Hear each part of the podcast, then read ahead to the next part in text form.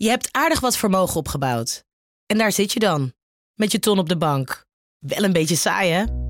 Wil jij, als belegger, onderdeel zijn van het verleden of van de toekomst? Bridgefund is een slimme fintech die een brug slaat tussen de financiële behoeften van ondernemers en van beleggers. Dus wie belegt bij Bridgefund krijgt niet alleen een mooie vaste rente, maar brengt ook ondernemers in beweging.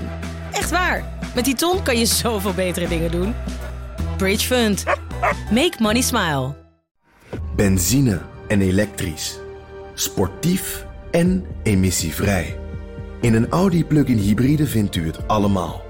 Ervaar de A6, Q5, Q7 en Q8 standaard met quattro vierwielaandrijving. Wat u ook zoekt, u vindt het in een Audi. Audi. Voorsprong door techniek.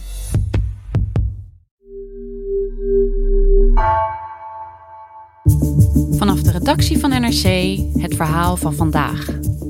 Mijn naam is Geertje Tunter.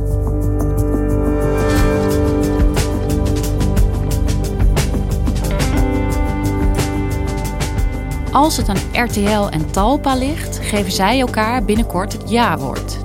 Een opvallende fusie in Medialand gezien de jarenlange concurrentie tussen de twee.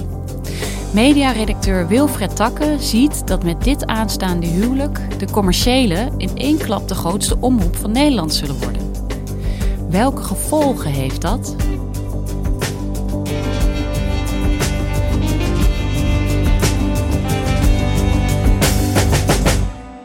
Vorige week kwam het bericht naar buiten dat Talpa en RTL voornemens zijn om te trouwen. En daarmee wordt de grootste omroep van Nederland gecreëerd. Groter dan de publieke omroep, die tot nu toe altijd de marktleider was.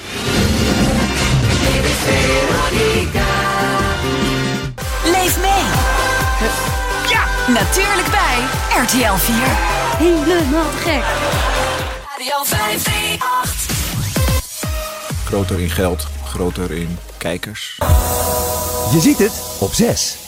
En dan ontstaat er dus een soort ja, commercieel machtsblok met ehm, in ieder geval dus al negen tv-zenders.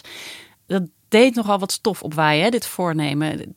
Heeft dat inderdaad met die grootte te maken? Ja, jarenlang was de verdeling publieke omroep, RTL, SBS. En nu wordt dat hele landschap opgeschud. Dat, dat is ongekend.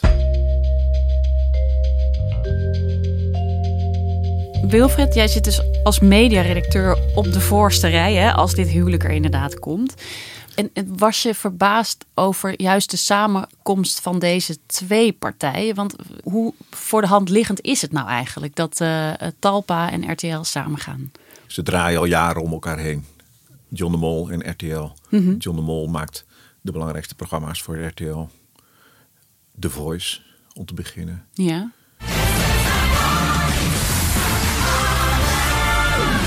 Welkom bij The Voice of Holland. John de Mol is, van, eh, is begonnen als televisieproducent. Hij maakt programma's.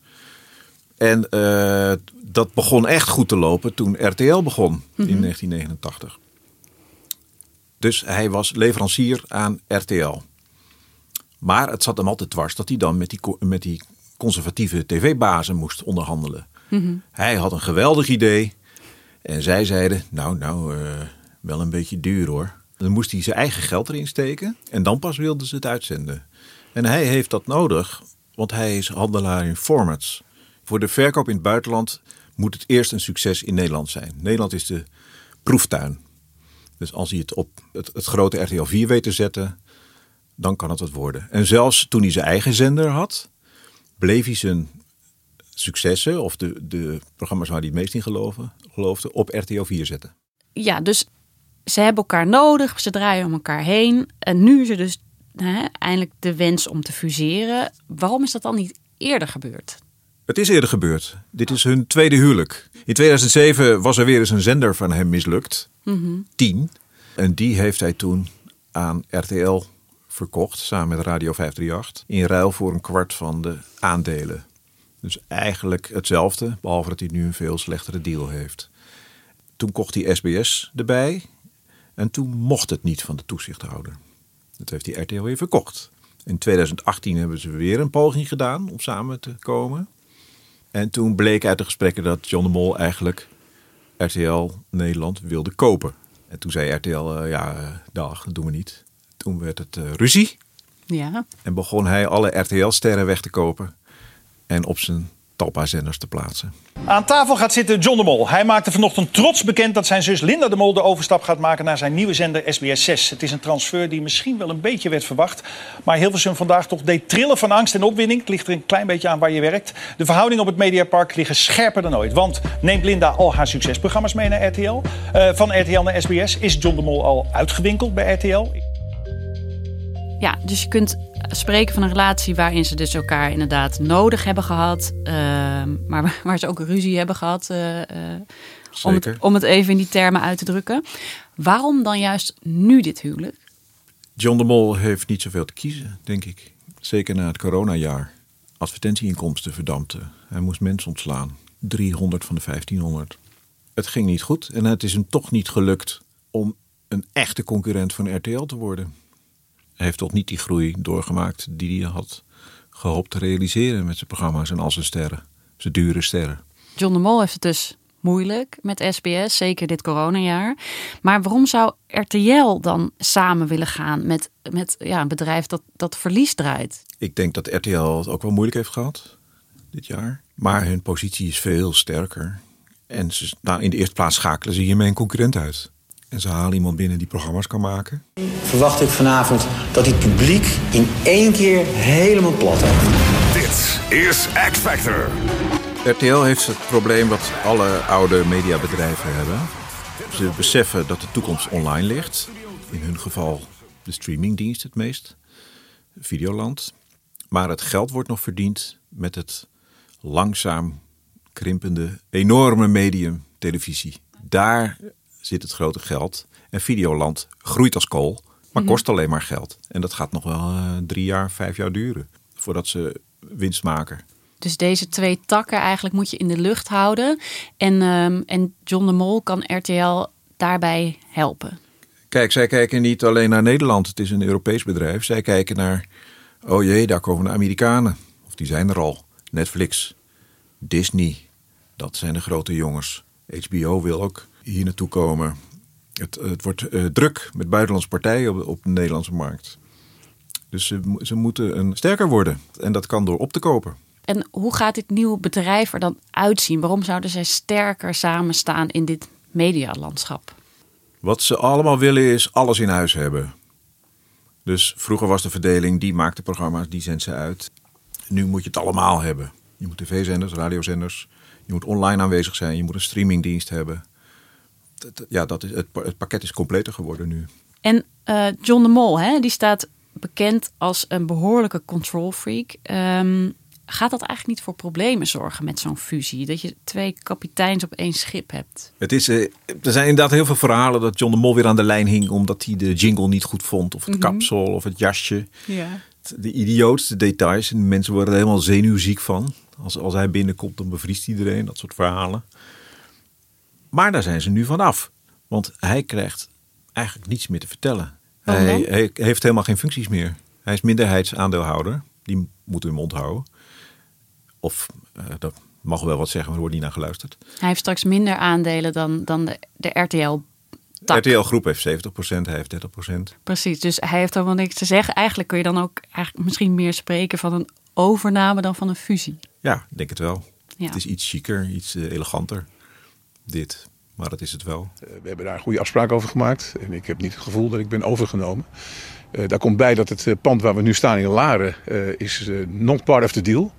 Dus het hele productiebedrijf, eh, het, eh, het conceptontwikkelingsbedrijf van Talpa, waar ik eh, de meeste tijd in stop, eh, dat blijft daar buiten. Eh, dat blijf ik ook zelf doen. Eh, dus wat dat betreft eh, zie ik de toekomst fluitend tegemoet. Ja, hij is altijd weer opgelucht en blij als hij er weer vanaf is van zijn grote bedrijf.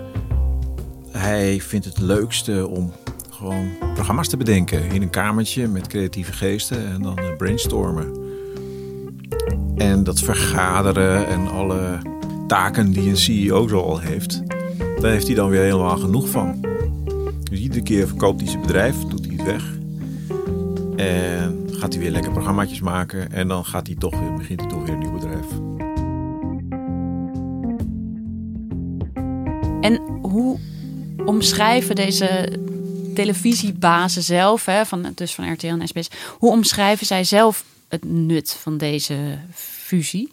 RTL-baas Sven Sauvé zei dat het belangrijk is als het ja, internationaler eh, wordt, Mhm. het medialandschap, dat je een sterke Nederlandse partij hebt die het Nederlandse verhaal vertelt. Wij gaan echt vol inzetten op Nederlandse programmering, Nederlandse programma's. We gaan inzetten op programma's waar Nederlanders zich echt in herkennen. Hè, alles in het kader van nou, een andere samenleving. Een samenleving die we ook gewoon terug willen zien in onze programmering, voor en achter de schermen.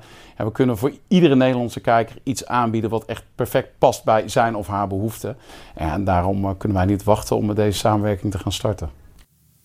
John de Mol zegt het zelf ook, dat ze samen sterker staan tegenover de buitenlandse mediabedrijven die de Nederlandse markt opkomen. Eh, Netflix heeft een grote aanwezigheid gekregen. Disney, eh, Google, YouTube. Daar moet zich toe verhouden. Ja, en wat bent u dan precies straks voor bedrijf? Een Nederlands mediabedrijf wat eh, eh, zeg maar een poging gaat doen om het grote geweld eh, uit, uit het buitenland te weerstaan. En ik denk dat als je Talpa en RTL aan elkaar knoopt, dat er een dermate krachtig Nederlands mediabedrijf is die ook de strijd met de, de Googles, de Netflixen ook aan kan.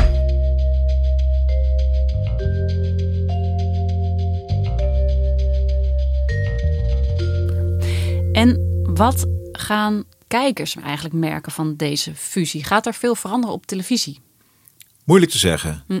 Ik denk dat die negen zenders die wilden, dat daar wel in gesnoeid zal worden. Eh, ik kan me voorstellen dat er vier overblijven. Dus dan heb je LTR 4 de familiezender, SBS 6 de volkszender, pulpzender. Net hoe je ernaar kijkt. En dan nog een vrouwenzender en een mannenzender. Want al het voetbal moet natuurlijk ook uitgezonden worden. Ze hebben vrij veel Europees voetbal samen. En op programmaniveau? Het zou kunnen dat ze de zenders beter op elkaar afstemmen. Nu concurreren SBS 6 en RTL 4 met elkaar. Dus de een brengt de Voice Kids, de ander zet Martien Meiland in. Het zou kunnen dat ze denken, hmm, laten we Martien dan maar op een andere dag zetten. Dan blijft iedereen naar de Voice Kids kijken. Ja. En eh, nou ja, over het Nederlands verhaal gesproken. De publieke omroep, eh, op dit moment de grootste. Ehm, maar dat zal niet meer zo zijn als, als deze twee blokken samengaan. Ehm, wat betekent dat voor hen? In de eerste plaats komt de advertentiemarkt in beweging. Mhm. De publieke omroep moet van de regering de komende jaren zijn eh, reclametijd halveren. Dus gaat er in financieel op achteruit, denk ik. En we hebben gezien eh, in het verleden dat de regering niet geneigd is om dat te compenseren. Dus ze moeten bezuinigen. En op een eh, gegeven moment zul je dat ook aan de kwaliteit van de programma's zien. De zakken van de publieke omroep zijn minder diep. En eh, onder meer door deze voorgenomen fusie. Ehm, en als je naar de programma's kijkt, denk je dat eh, daar ook iets gaat veranderen voor de NPO om hierop te reageren? Ze kunnen twee kanten op. Tot nu toe is de reflex commerciëler worden. Ze kunnen natuurlijk ook denken: we moeten ons onderscheiden van die grote commerciële partij. Mhm. Dus we brengen iets waar wij goed in zijn. Programma's met een hoge eh, publieke waarde, zoals jo- journalistieke programma's, informatie, opinie en debat. Dan onderscheiden ze zich van die nieuwe reus. Ja, waar dan misschien minder mensen naar kijken. Dat betekent wel een verlies van kijkers. Bij zo'n fusie eh, hoor je natuurlijk ook vaak dat er mensen uit gaan vliegen. Ehm, is dat in dit geval ook zo? Zeker. Het voornemen is om eh, met synergie, zoals dat zo Mm, mooi heet, ja. 100 miljoen te bezuinigen. Zo. Op een omzet van, een gezamenlijke omzet van 900 miljoen. Ja, dat is ontzettend veel. Dus met een simpel rekensommetje zou je zeggen dat het iets van 200 man uitgaat. Ja. Betekent dat ook dat de Linda de Mollen van deze wereld moeten vrezen voor hun baan? Ze kunnen niet meer overlopen. Hm. En het voordeel van overlopen is dat je meer geld kan vragen. Dus het enige verkeer wat er nu nog zal zijn, is tussen de publieke omroep en de nieuwe grote commerciële. En eh, de publieke omroep moet juist steeds minder gaan betalen. Althans, die mogen niet meer die hoge salarissen betalen. Je mag niet meer verdienen dan premier Rutte. Dus als ze dat wel willen, dan zullen ze naar die grote nieuwe RTL Talpa gaan.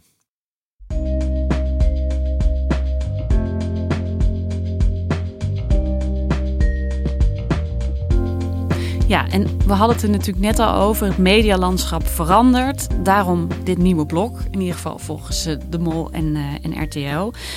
Maar wat vinden de adverteerders eigenlijk van deze voorgenomen fusie? Dus eigenlijk ja, de mensen die geld eh, in het laadje brengen. De adverteerders hebben minder te kiezen straks. Mhm. Want de NPO krimpt en Talpa valt weg. RTL heeft al de Ad Alliance. Dat betekent dat ze niet alleen voor de eigen zenders de advertenties verzorgen, tv-reclame, maar ook voor alle andere, afgezien van de publieke omroep. Dat gaat ook allemaal via RTL.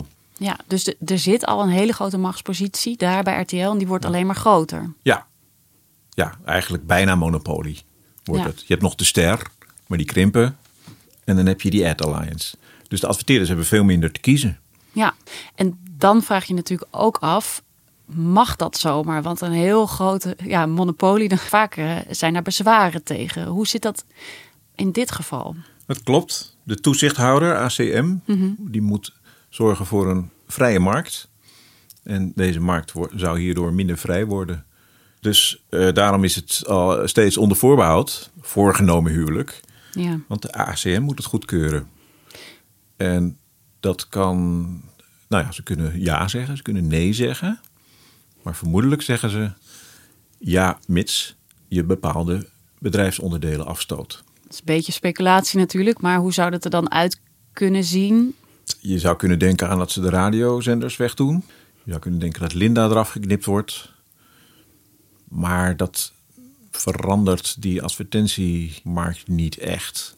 Dus eigenlijk weet ik niet zo goed wat eraf zou moeten. Wat zeggen RTL en SBS hierover? Want zij zullen, ik neem aan, van tevoren hier ook over nagedacht hebben.